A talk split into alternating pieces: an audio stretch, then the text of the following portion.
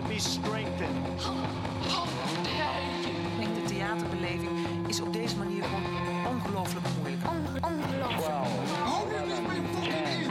Lukashenko has been described as Europe's last dictator.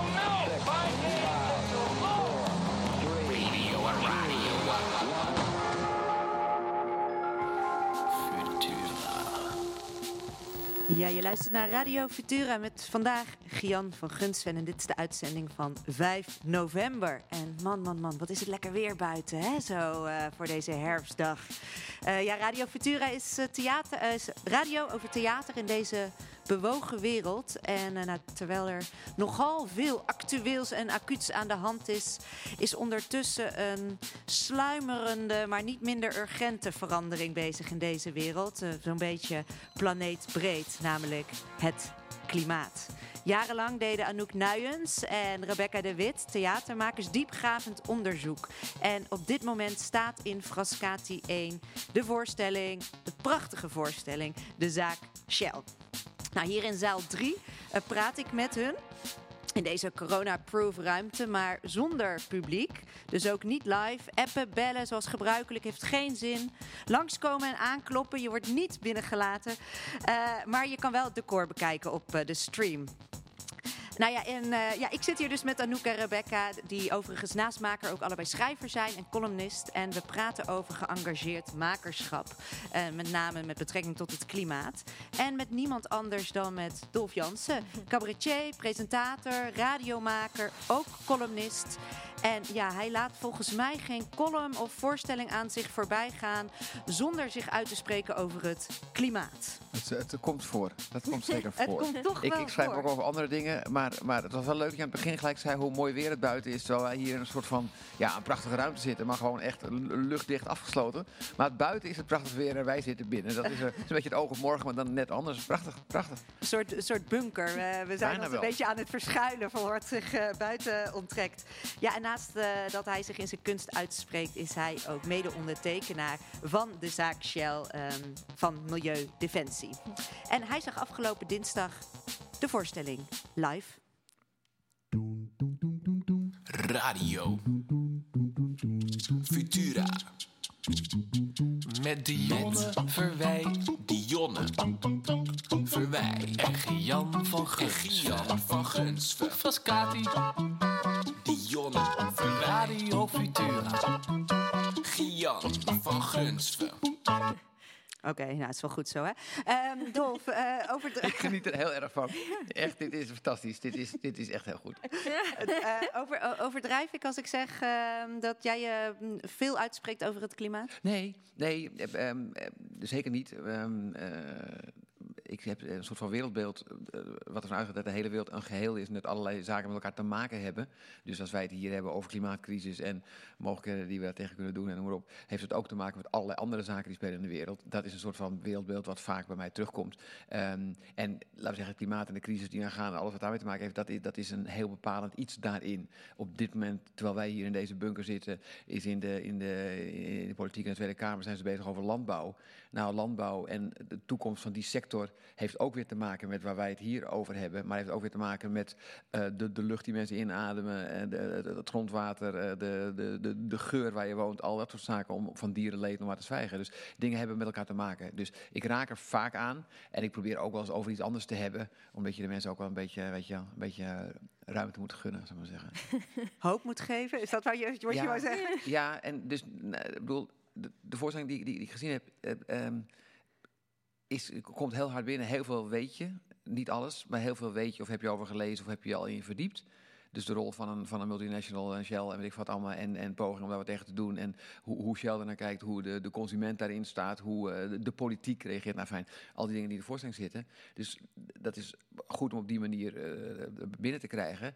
Maar het is ook wel eh, nog weer een klap in je gezicht. Van dit is de situatie waar we in zitten. We, als in met z'n allen. En, en dan? Ik bedoel, ik had niet van de makers verwacht dat ze me aan het einde zouden zeggen... we gaan dit en dit en dit doen en dan gaan we het oplossen. Althans, dat, dat, dat was zeker niet mijn verwachting. Maar het is ook alweer een behoorlijke klap die je krijgt. Want dit is dus de situatie waar we in zitten. En dit heeft, heeft met ons consumptiegedrag te maken, met hoe we in de wereld staan. En met als wij iets even oplossen, gaan ze het ergens anders misschien alsnog doen. Enfin, al die problemen. Uh, dus het is ook wel een behoorlijke klap die je krijgt. Ja, en wat dan, wat dan vooral? Dat het een soort. Nou, dat, dat, je, dat je weet dat, dat een, een, een bedrijf er zo in staat. Uh, de, de, dat je weet dat onze consumptie uh, hele grote invloed heeft op wat er rechtstreeks met het klimaat gebeurt en indirect op allerlei andere plekken in de wereld. Uh, dat je weet dat de politiek doet alsof ze aan oplossingen werken, maar uh, op allerlei punten ook niet, omdat andere belangen toch weer groter zijn. Dat, dat zijn natuurlijk allemaal dingen die, die, die gebeuren. En dan is de vraag, uh, dan kan je een paar hele sterke vrouwen zijn, uh, maar, maar dan, weet je wel, wat is dan, ik bedoel, er wordt letterlijk gezegd van mij in de voorstelling, dat we die zaak van Shell, althans ik zeg we, dat, dat die, die zaak van Shell wordt gewonnen. Oké, okay, dat, is, dat, is, dat is historisch, fantastisch. Ik bedoel, Urgenda heeft ook al een paar zaken gewonnen. Maar ondertussen heb ik nog niet gezien dat dat ook feitelijk... Dat, dat, en dan, weet je wel? Uh, dus, dus ja, het moet gebeuren en ja, het is van belang om je uit te spreken in een column, in een voorstelling, in een, uh, in een, in een rechtszaak voor mijn part. Maar het gaat natuurlijk ook heel erg om en, en dan, en vooral ook de en dan van, van, van jezelf. Uh, ook dat werd bijna letterlijk genoemd van, weet je wel, aantal weer, oké, ik, ik, ik, eet ook al heel lang geen vlees. En ik probeer ook niet of zo min mogelijk te vliegen. En ik, al die dingen, ik heb zelf ook zonnepanelen op mijn schuurtje liggen. En, dus je doet in die zin wat je kan. En dat is ook van belang, denk ik. Maar dan, ondertussen gaan dingen door. En, en wat betekent dat? En wat betekent dat? Ik, ik was gisteren met mijn dochter bij de voorstelling. Ja, die heeft nog een jaar of, uh, wat zal het zijn, uh, 60 te gaan uh, als, als mee zit. Hoe kijkt die daarnaar en, en hoe kijkt die generatie daarnaar van wat wij nu hebben en wat we aan het doen zijn? En, en, en hoe dat de komende jaren voortgaat. Dat is dus ook wel, uh, er zit zeker hoop in, maar er zit ook wel uh, wat, wat uh, een, een angstwekkend beeld in, vind ik. En wat maakte de, deze voorstelling, of wat je precies dan hebt gezien, dat je extra een soort die wanhoop of die onmacht daarin voelde? Omdat het, omdat het in 80, 90 minuten is samengebald. Dat alle dingen die spelen. Dus wat ik zeg, wat, het is namelijk niet de schuld van Shell. Dat, dat is niet. Net zoals, net zoals het Amerika van nu niet de schuld is van Trump. Dat is niet zo. Trump is een gevolg van wat, wat daar gebeurt. En natuurlijk worden mensen verkeerd voorgelicht en geloven ze Fox News en, en, en et cetera. Maar dan nog, is Trump is niet de oorzaak van wat daar gebeurt. Dat is iets anders. Dat is iets anders. Uh, op een bepaald moment hebben uh, een groot van de politiek heeft mensen in de steek gelaten. En een deel van die mensen wordt zo boos dat ze op een, op een clown stemmen. Dat is, dat is dus ook op dit moment. Het is, Shell, is niet, Shell is niet de schuldige van de klimaatcrisis. Shell is gewoon een bedrijf. En wij willen olie en plastic en chemische shit en andere dingen. En dat leveren zij. En, en er, er werken ook aardige mensen bij Shell. Niet alleen, maar er werken ook aardige mensen bij Shell. En er werken ook mensen bij Shell die zich echt zorgen maken over wat er gebeurt. Weet ik zeker. Ik heb ze ook, ook wel eens gesproken. Maar dan nog, ja, weet je, ja, u, het is letterlijk uw vraag, wij draaien toch? Hij, die man zegt van, ja, oké, als jullie morgen niet meer gaan tanken en je, en je gebruikt geen plastic meer, en we, dan gaan wij wat anders maken. Het interesseert zich geen hol, als het maar verkoopt. En wij willen, wij uh, willen met z'n allen willen we dit hebben. Want we willen, goed, ik ben dan op de vouwfiets, ook omdat ik geen rijbewijs heb, dus dan moet je niet gaan tanken. Dat is gewoon heel onverstandig. gewoon, nee, moet je gewoon niet doen. Maar, maar ik ben natuurlijk in die zin, we, in die zin zijn we er allemaal schuldig aan. En dat zijn natuurlijk, weet je wel, dat is niet iets laat ik het zo zeggen, wat mensen graag willen horen. Als ik in een column ook maar een, een, een, een mespuntje moralisme heb zitten, worden mensen echt boos. Voor een deel omdat ze me een lelijke linkse hond vinden. Maar voor een deel omdat ik natuurlijk raak aan... Het gaat ook over jou. Het gaat ook over jouw gedrag. En over de gevolgen van jouw gedrag. Hier verderop uh, in Nederland en de rest van de wereld. En op allerlei plekken waar, waar, mensen klimaatvluchteling zijn. Daar gaat het over. Maar willen mensen helemaal niet horen. Dus dan is het interessant. Hoe ga je dan die mensen die nu al boos zijn... en vinden dat het hele klimaat een linkse verzinsel is... Hoe ga je die dan, uh, hoe ga je die dan bereiken? Of weet je, moet dan letterlijk, moet dan letterlijk die, die, die ijsbeer aanspoelen bij, bij, bij Noordwijk en het water over de dijk klotsen? Dat is een beetje laat. Dus dat, dat is een. Uh... Oké, over angst voor moralisme in de kunst. En ook uh, hoe je nou met dit verhaal andere mensen bereikt dan uh, wij die het eens zijn. Dan wil ik het zo ook met jullie hebben. Maar is dit ook een intentie van jullie voorstelling? Van dat jullie in die 80 minuten gewoon eventjes die hele realiteit willen samenvatten. Om zelfs een bewust iemand als Dolf toch nog weer opnieuw een klap in zijn gezicht te geven. Ja. Uh, mensen ja. die op de grond liggen. Nog een keer. Dus nog ja, een keer. Ja. ja. Nee, zeker. Ja, ja, we zijn hier dus um, drie jaar geleden mee begonnen. We hebben wel allebei in de tussentijd een kind gekregen, dus er, za er zaten wat pauzes tussen. En dat wilde je nog toen je hier al half in deze materie zat? Ja. Ja, ja, ik denk dat de stoppen met kinderen krijgen niet de oplossing is omdat je dan eigenlijk zegt, laten we gewoon stoppen met de mensheid. Uh, en dat, dat uh, gaat me iets te ver. en de, de, want ik bedoel, ook dat argument hoor ik geregeld als ik het ergens over heb. Van ja, het is de overbevolking, punt. Wat natuurlijk op allerlei redenen niet waar is. Maar zeker bij kinderen is het natuurlijk ook zo van... ga ervan uit dat je kinderen iets, iets positiefs gaan toevoegen. Nou, dan hebben die kinderen nodig. Of gaan we ervan uit dat het alleen maar eh, consumenten zijn die, die, die nog meer gaan uitstoten en nog meer schade gaan aanrichten. Ja, dan zou het verstandig zijn. Weet je, daar ergens zit het natuurlijk ook in. En dat weet je niet. Ik bedoel, eh, kijk, ik heb, ik heb echt hele goed gelukte kinderen. Die zijn echt heel goed bezig. En van jullie kan We ik weten het nog niet. je weet het nog niet. Zo groot. Ja. Vooralsnog is het vooral uitstoot. Maar, maar eh, nee, maar dus, dus zelfs dat, bedoel, zelfs dat, dat gaat over de, nou, ongeveer de basisbeslissingen die je in een mensenleven neemt. Ik bedoel, eh, veel groter dan wel of niet kinderen of een kind. Dat is er niet. Nee, ja, maar het ma- kinderen doen iets heel geks. Want aan de ene kant maken ze je zeg maar meer huiselijk dan je ooit was. Maar aan de andere kant maken ze je juist ook wel meer, meer geëngageerd dan je ooit was. Omdat, het ineens niet meer alleen om je eigen toekomst gaat, maar ook om dat van je kind. Waardoor die toekomst ineens twee keer zo, zo lang wordt. Dus, dus je gaat ook meer zien, eh, meer horizon. Ik heb ook wel meer, meer ja, mis- misschien is het omdat mijn eigen kind is, maar wel meer, meer, meer liefde voor de mensheid gekregen. Omdat je zo de mens ziet in zijn soort ongecultiveerde vorm. En, en eh, ja, eh, nou ja, ik zeg het misschien komt omdat mijn eigen kind is. Maar ik heb het ook wel bij andere baby's, dat je zo, ja, wel, dat ik wel meer ehm, genade heb voor de mens dan eh, sinds ik een kind heb dan Maar- daarvoor. Mag ik vragen dan, want ik begrijp dat en ik heb dat ook meegemaakt natuurlijk langer geleden. Ehm, maar andersom, je, kan ook heel boos worden. Ik bedoel, niet op, op die ene persoon die hier hem, hem dubbel zet op de knippers en dan eh, weet ik wat. Maar gewoon, je, je, bedoel, je kunt ook heel boos worden op mensen. Ik bedoel, omdat ze het niet willen zien, omdat ze het niet aankunnen, omdat ze weigeren om te veranderen. Ik heb zo vaak dat mensen mij een reactie op iets wat ik schrijf of een tweet wat ik ga zeggen. Nou, dankjewel Dolph, ik ga vanavond een extra dikke biefstuk eh, eten. Dan denken ze echt, maar ook niet één keer, Ja. maar gewoon, gewoon tientallen, honderden keren.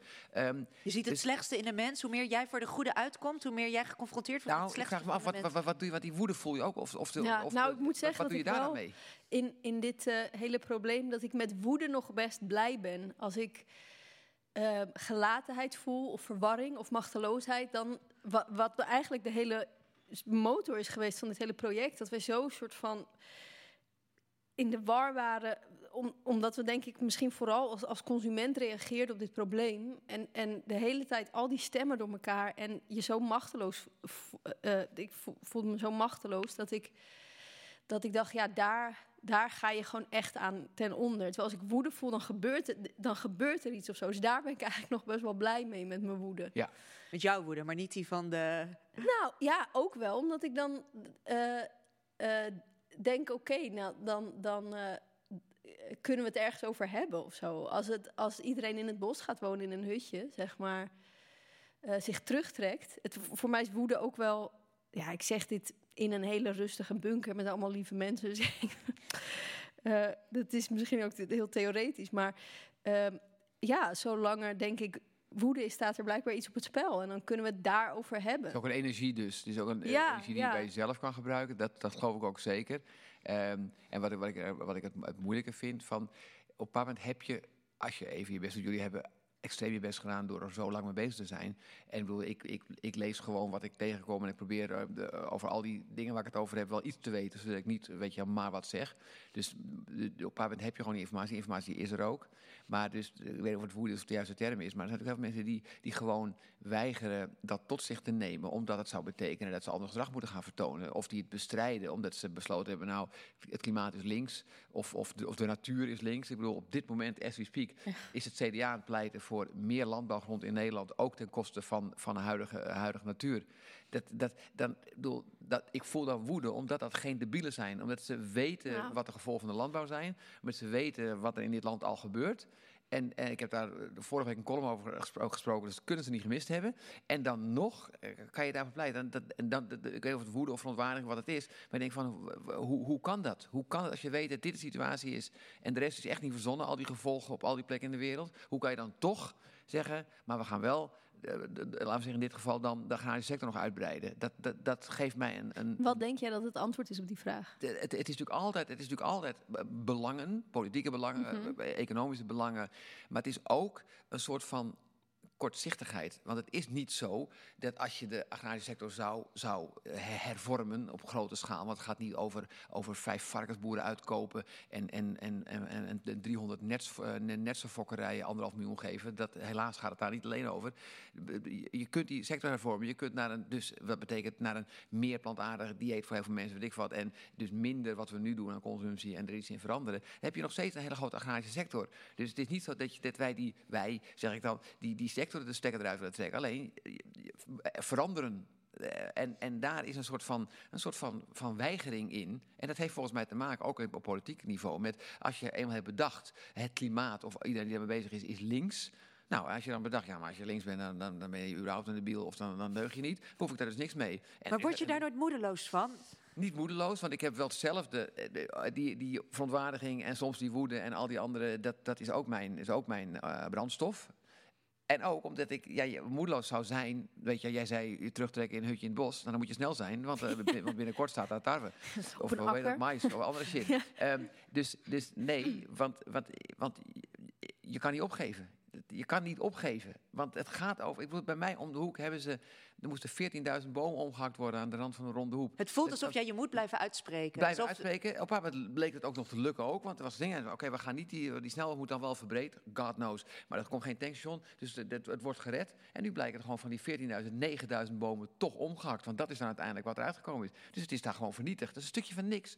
Maar voor mij is dat zo dichtbij natuurlijk, letterlijk en figuurlijk. Ik denk van, waarom zou je in this day and age snelweg gaan verbreden. Maar wacht, is dit een verantwoordelijkheid die je voelt als burger, komt die? Of uh, je blijft uitspreken, of is dat de verantwoordelijkheid die je ook voelt als maker, ja, uh, uh, mediafiguur in jouw geval? Voor mij loopt dat nogal door elkaar, maar als beide. Ik, ik vind iedereen die hier uh, langsloopt en is, is betrokken. Het, althans, is onderdeel van iets. Niet iedereen is betrokken, jammer, maar iedereen is wel onderdeel van iets. Je kunt niet doen alsof dat niet zo is. Je kunt niet doen alsof je door, wel, wel vliegen, tof vlees eten, al die andere dingen. En dan zeggen, ja, maar weet je, alsof er geen gevolgen zijn. Maar dat doen natuurlijk heel veel mensen. Dat, was de rol van consument in de voorstelling. En die emancipatie die die misschien dus naar die burger zou Maar ik heb ook het gevoel, kijk, wij zijn natuurlijk... Ik bedoel, je moet, je moet wel een bepaalde mate van privilege hebben om dat allemaal te kunnen, snap je? Om tijd te hebben, om, om je in te lezen, om inderdaad in de supermarkt niet iedere week bezig zijn met je boodschappen onder de 50 euro houden. Nee, ik heb heel erg het gevoel dat, dus, dat, het, um, dat het ook mee te maken heeft dat veel mensen het gevoel hebben dat als ze niet voor zichzelf zorgen, dat er niemand voor ze zorgt. Omdat we natuurlijk ook al tien jaar onder een overheid uh, leven die gewoon zegt: wij trekken ons steeds meer terug. Die verzorgingsstaat, daar nemen we afscheid mee en jullie krijgen heel veel vrijheid daarvoor en eigen verantwoordelijkheid. Maar ja, wat de overheid ook in die tekst op een gegeven moment zegt van ja, impopulaire beslissingen nemen, dat is heel moeilijk in een land met 17 miljoen zwevende kiezers. Dus die zit ook vast. En ik, ik, heb, het, ik, ik heb steeds vaker, als ik dus inderdaad eh, die boosheid zie of ook tegenover me zit, dan denk ik eigenlijk zeg je zorg voor mij. Of, of dat je voelt dat mensen ook denken, ja, als ik nu niet heel hard ga gillen, dan, dan, of als ik een stap opzij zet, dan, dan neemt iemand anders mijn plek in. Dus dat het gewoon heel erg ieder voor zich is. Dus ik hoop dat zorg of zorg dragen, dat dat een beetje een soort nieuw thema voor de komende. Dus als Dolf zegt van de klimaat. Het klimaat zit natuurlijk overal. Misschien dat we de klimaatcrisis wel niet oplossen door direct klimaatbeleid. Uh, omdat het dus overal zit uh, en het een soort intersectioneel probleem is. en dat we het dus misschien wel oplossen door meer voor elkaar te zorgen. Waardoor mensen meer het gevoel hebben dat ze onderdeel zijn van iets wat groter is dan ze zelf zijn. En dat maakt veel minder machteloos. Want volgens mij de meest machteloze momenten in mijn leven was op het moment dat ik me heel erg alleen voelde. En dat Rebecca en ik hebben elkaar natuurlijk een beetje gevonden in dit project. Dus we zeggen ook wel eens van het voelt eigenlijk een beetje alsof we zo uh, een meer inliepen en, en zomaar naar de overkant zijn gaan zwemmen. En dat Rebecca, ik dacht dat Rebecca dacht dat we het wel zouden halen. En Rebecca dacht dat dat ik dacht dat we het wel zouden halen. En dat je dan op de helft van dat meer erachter komt. Shit, ik dacht dat jij dacht dat we het, dat we het gingen halen tot de overkant. En is dus... dit ook een beeld van jullie normale tochtjes? Want ik vind dit heel beangstigend. Hè? Twee vrouwen die niet weten waar kansen op gaan. En dan hopen dat de ander wel weet waar kansen op gaan. Maar goed, dat is natuurlijk een stukje satire. Maar wat ik er van vind, en dat had ik gisteravond ook. Daar kom ik nu op. Dat jullie, niet de conclusie, maar waar de voorstelling over gaat. Wat jij nu ook aan raakt. Is dat gevoel van, van wat je wel samen bent en samen hebt. En het bizarre, ik heb, maak momenteel, ik speel een hele andere voorstelling. Nou, een oudejaarsvoorstelling die over dit jaar gaat en natuurlijk wel hier of daar raakt, maar eigenlijk nauwelijks over, rechtstreeks over klimaat gaat. Maar mijn mijn, mijn eindgedachte van die voorstelling is bijna, is bijna hetzelfde als die van jullie. Namelijk dat het uiteindelijk gaat over, over een samenleving. Over, eh, ik zeg niet letterlijk voor elkaar zorgen. Nou, eigenlijk zeg ik bijna wel letterlijk voor elkaar zorgen. Ik gebruik mijn moeder van 85 als Maar voorbeeld. zorg dragen is ook Zo- zo'n mooi ja, woord. Ja, zorg dragen. Ik, ik probeer uit te leggen wat een samenleving is. Het klinkt heel snel, samenleving. Maar samenleving betekent natuurlijk dat je, nou goed, dat je samenleeft. Maar dat je onderdeel bent van iets. Dat je, dat je dingen toevoegt. Dat je iets doet voor een ander of voor de samenleving als geheel. En dat je ook wat terugkrijgt. Dus bescherming of iemand die halverwege het meer nog weet waar kant je op moet. Dat je zelf al lang ver- vergeten bent waar je was. Dat is wat een samenleving is. En ergens daar zit natuurlijk een hele grote kracht.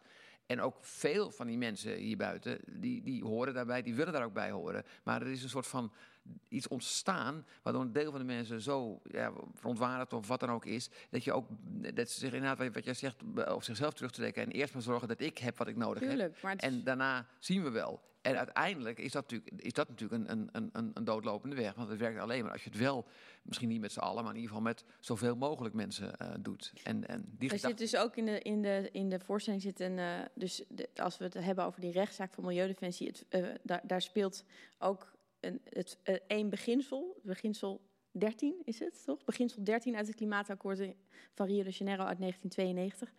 En dat is het voorzorgsbeginsel. En dus dat vind ik ook al zo'n mooi woord, voorzorg. Dus zorgen dat het, dus alvast zorgen dat het niet misgaat. Dus geen nazorg als dat te laat is, maar voorzorg. En dat, dat is dus eigenlijk het hele woord of het hele beginsel waar deze rechtszaak volgens mij ja, Ja, in grote opgebouwd is. lijnen, ja. Ik ben geen advocaat, dus dan denk ik altijd, oh ja, zeg ik het allemaal wel goed. Maar het voorzorgsbeginsel gaat dus uit van het feit dat als er op dit moment ehm, eh, ontwikkelingen, eh, chemische ontwikkelingen zijn waarvan een serieus vermoeden bestaat dat ze in de toekomst zullen leiden tot ernstige klimaatschade, dat eh, het, het gebrek aan 100% wetenschappelijk bewijs daarvoor niet de reden mag zijn om niks te doen. Uit voorzorg, dus voor toekomstige generaties. Huh. En dat is eigenlijk het, het grote ding in deze, ehm, eh, in, deze, in deze rechtszaak. Dat heet dan het kelderluikarrest. Dat is een hele bekende rechtszaak geweest waarin iemand in een café een kelderluik heeft open laten staan, waar iemand doorheen is gevallen. En ehm, toen heeft de rechter uiteindelijk besloten inderdaad dat die man gecompenseerd werd. Iemand was wat gaan halen, die moest iets, iets hebben en ze hadden uit voorzorg iets moeten neerzetten. Nou ja, dat heeft er ook. Maar dat voorzorg, zorg dragen, ik, ik heb het idee dat dat allemaal hele belangrijke woorden en thema's zijn in de klimaatcrisis. Maar ik heb dat niet zo expliciet gehoord aan het eind van de, van de voorstelling van zorg voor elkaar. Nee, maar het zit er wel denk ik heel erg in. En ook omdat we daar als groep staan eh, en we heel goed voor elkaar wel zorgen. Ehm, Ja, en ik, wat, dat is natuurlijk het mooie bij een voorstelling ook. Ik bedoel, weet je wel, eh, eh, net, net als bij een, liedje of iets anders. Wat de kijker of de luisteraar eruit haalt, eh, hoeft ook niet altijd precies te zijn wat de maker erin gestopt heeft. En ik heb dit inderdaad, misschien niet die woorden, maar, maar die, die, die, dat, dat gevoel. Ik zat gisteren, ik denk, ja, weet je wel, dus, dus dat klopt. We zitten, op, de, we zitten eh, op dezelfde lijn en dat kan geen toeval zijn. Het, zijn ook, bedoel, het is ook niet iets, een geheel nieuw idee, want het idee van samenleving bestaat ook al heel lang. Het idee van wat dat betekent Maar spreek ook. jij jou in je, je voorstelling expliciet uit over dat je wil dat we wat meer voor elkaar Ik doe het zorgen? nu bijna expliciet. Kijk, mijn, mijn, mijn voorstel gaat over dit jaar en daarmee natuurlijk ook over de hele, hele pandemie, et cetera, waar we in zitten. Omdat iedereen daar vanaf, in, Nederland vanaf begin maart mee te maken heeft. Dus ja, ik doe dat bewust ook omdat ik zoek naar, eh, in die voorstelling, naar een verhaal waar, waar, waar- waarbij we kunnen aanhaken. Een deel van de mensen in Nederland haakt af bij het verhaal wat de autoriteiten vertellen, want dat geloven ze niet, of die vertrouwen ze niet, of et cetera. Dus je moet een verhaal hebben waar mensen bij willen aanhaken. Dat is een beetje wat over, over gaat.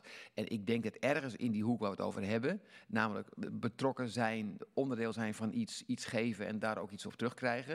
En dat gaat bij klimaat, is dat wat mij betreft hetzelfde verhaal. Eh, dat heeft te maken met, met voelen dat je daarbij hoort en dat je daar iets voor, iets, iets voor wil, wil doen. En het gaat dus ook over hoe je met mensen omgaat die wel die aandacht nodig hebben, of die eh, eenzaam zijn of oud zijn of hulpbehoeften, wat dan ook. Dus dat, dat is een deel van mijn voorstelling. En wat ik zeg, ik hoorde dat gisteren tegen het einde. Nou, het, het zit er ook wel in die zin niet in het einde in. Maar het- wat mij betreft is het een enorm pleidooi of zoektocht naar wat burgerschap is in deze klimaatcrisis. En is de, het pleidooi van de burger. Ja, probeert te verbeelden wat dat is. En dat dat dus inderdaad is dat je. di- en de, de, de, de politicus, politica, die zegt daar dan ook over dat mensen niet meer weten hoe ze burger moeten zijn, hoe ze dingen aan de kant moeten zetten omwille van anderen.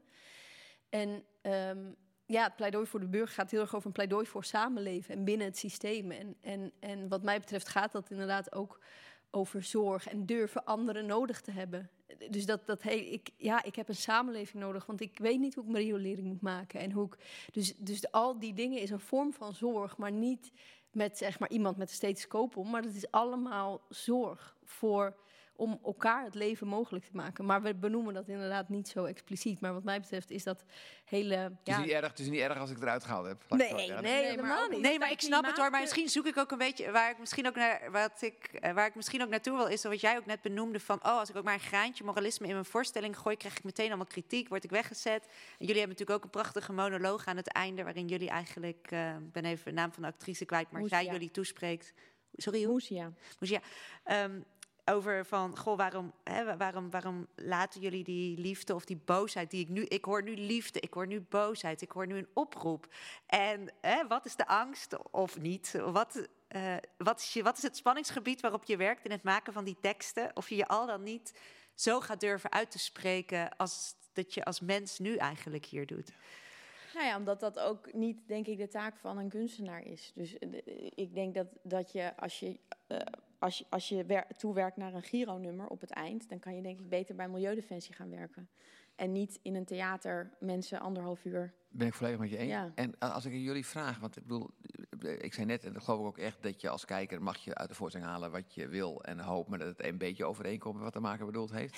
kan je, kan je, kan je um, omschrijven dat, einde? Want ik, ik heb natuurlijk, kijk, jullie hebben die voorstelling, zijn al lang mee bezig, jullie kennen die teksten uit je hoofd. Jij, jij kende zelfs haar tekst uit je hoofd, begreep ik. Um, uh, dus dat is allemaal heel knap. Waar, waar in die eindmonoloog ook, waar, waar komen we uit? Wat is de, want ik bedoel, ik hoorde hem en het komt binnen en je, bedoel, je, je kan die zinnen niet onthouden, zelfs de, weet je wel, er zijn meer momenten die je onthoudt. Waar komen we uit in de voorstelling? Kan, begrijp je wat ik bedoel? Van wat, wat... Voor mij komen we uit bij liefde. Of eh, omdat ik het gevoel heb, dus dat zeg ik ook in de voorstelling, dat de klimaatcrisis eigenlijk een verantwoordelijkheidscrisis is. En dat al die grote partijen hun verantwoordelijkheid constant naar elkaar doorschuiven. En je komt eigenlijk bij die toekomstige generaties aan het einde van een estafette. En zij, kan het, zij ziet alles. Zij heeft nog geen belangen, ze mag nog niet stemmen, ze is nog heel jong, ze is toekomstige generaties. En zij kan, het aan zij kan niet de aarde de schuld geven. Of weet je, zij kan het niet meer doorschuiven. Dus het enige, zij, zij, zij komt eigenlijk aan het eind van die estafette. Dus zij zij probeert eigenlijk dus die, die bomen en die, die, die, die oudsheid van de aarde en zo probeert ze, dus die liefde probeert ze dus eigenlijk weer terug te, terug te kaatsen, die estafette in. Of dat, zo, dat is het voor mij. Ja, nou, er zijn natuurlijk zeker in twee eindes. Dus je hebt dan toekomstige generaties inderdaad. Die is het einde van een estafette. En dan zit dat nog natuurlijk binnen het kader van, van de voorstelling... of de scenarioafdeling die we dan even zo die anderhalf uur hebben opgericht. En um, is een beetje de hoop dat er, dat er, terwijl we de voorstelling eindigen, ook iets anders begint. Namelijk het, het punt waar wij deze voorstelling zijn gestart, namelijk verwarring en machteloosheid en je alleen voelen. Dat je dus um, um, door die anderhalf uur zo samengebald al die rollen te zien en een beetje kunt snappen van, oh, maar ik hoef niet altijd consument te zijn. En ik, ik, ik, oh, ik heb een soort verbeelding bij wat het is om burger te zijn. Dat je dus inderdaad um, begrijpt wanneer je welke rol hebt en wanneer niet. En dat dat, ik denk dat er heel veel, um, ik hoop dat er heel veel politieke energie of energie überhaupt niet meer wegvloeit in die verwarring. Dus ik hoop eigenlijk dat de voorstelling een soort stop zet op dat wegvloeien van die energie. En is die laatste quote of zo, of wat dan, dat, um, over die woorden, dat we moeten letten op onze woorden, is omdat ik denk dat, dat dat we samen in dit verhaal zitten en dat, dat het heel erg uitmaakt um, of je, of je um, iemand een klimaatgekkie of een heel veel klimaattaal is, is rechts bepaald en dus ook het beeld is het klimaatprobleem wordt ook heel vaak aan de rechterkant geframed, terwijl het iets is waar we allemaal in zitten. En worden we besmet door mekaars taal. Dus is, is eigenlijk het idee van die repetities voor de werkelijkheid ook dat je wat bewapender of zo um, de werkelijkheid in kan gaan. En, en, um, nou ja, en ook dat wij, wij dus we krijgen heel vaak de vraag: ben je, zijn jullie nou activist of kunstenaar? Maar we, hebben, dus we, noemen onszelf wel eens taalactivisten. Dus omdat je, zeg maar, je gaat ons nooit vinden met een, ehm, eh, of zo, ah, dit. Maar we, we bedrijven wel, wel degelijk een soort vorm van activisme via taal. Eh, omdat je, wat Rebecca ook zegt, dus via taal. eh, we hebben vorig jaar een workshop gegeven in Brussel aan een groep hele jonge mensen. Waar we drie dagen lang. Er zijn zoveel woorden de afgelopen jaren bijgekomen. Hè, dus de, Vandalen zegt dan ieder jaar zoveel. En dat zijn bijna allemaal klimaatwoorden: klimaatgekkie, klimaatrealist, vliegschaamte. En die, die woorden, wat Rebecca ook aan het eind van de voorstelling zet, we moeten letten op onze woorden, want die worden gedachtes en die worden daden en die worden waarden en, en die gaan uiteindelijk onze lotsbestemming bepalen. Dus in, in woorden zitten werkelijkheden en realiteiten. Dus je moet echt letten. Dus we hebben met die jongeren drie dagen lang hebben zij zelf iets van 70 nieuwe klimaatwoorden bedacht. Omdat bij hun ineens ook een kwartje ging vallen van, oh, holy fuck, ja, vlieg, zeg maar, als je iemand een klimaatgekkie noemt, waar, waar constant die mensen die voor het klimaat demonstreren worden allemaal klimaatgekkies genoemd of klimaatdrammers.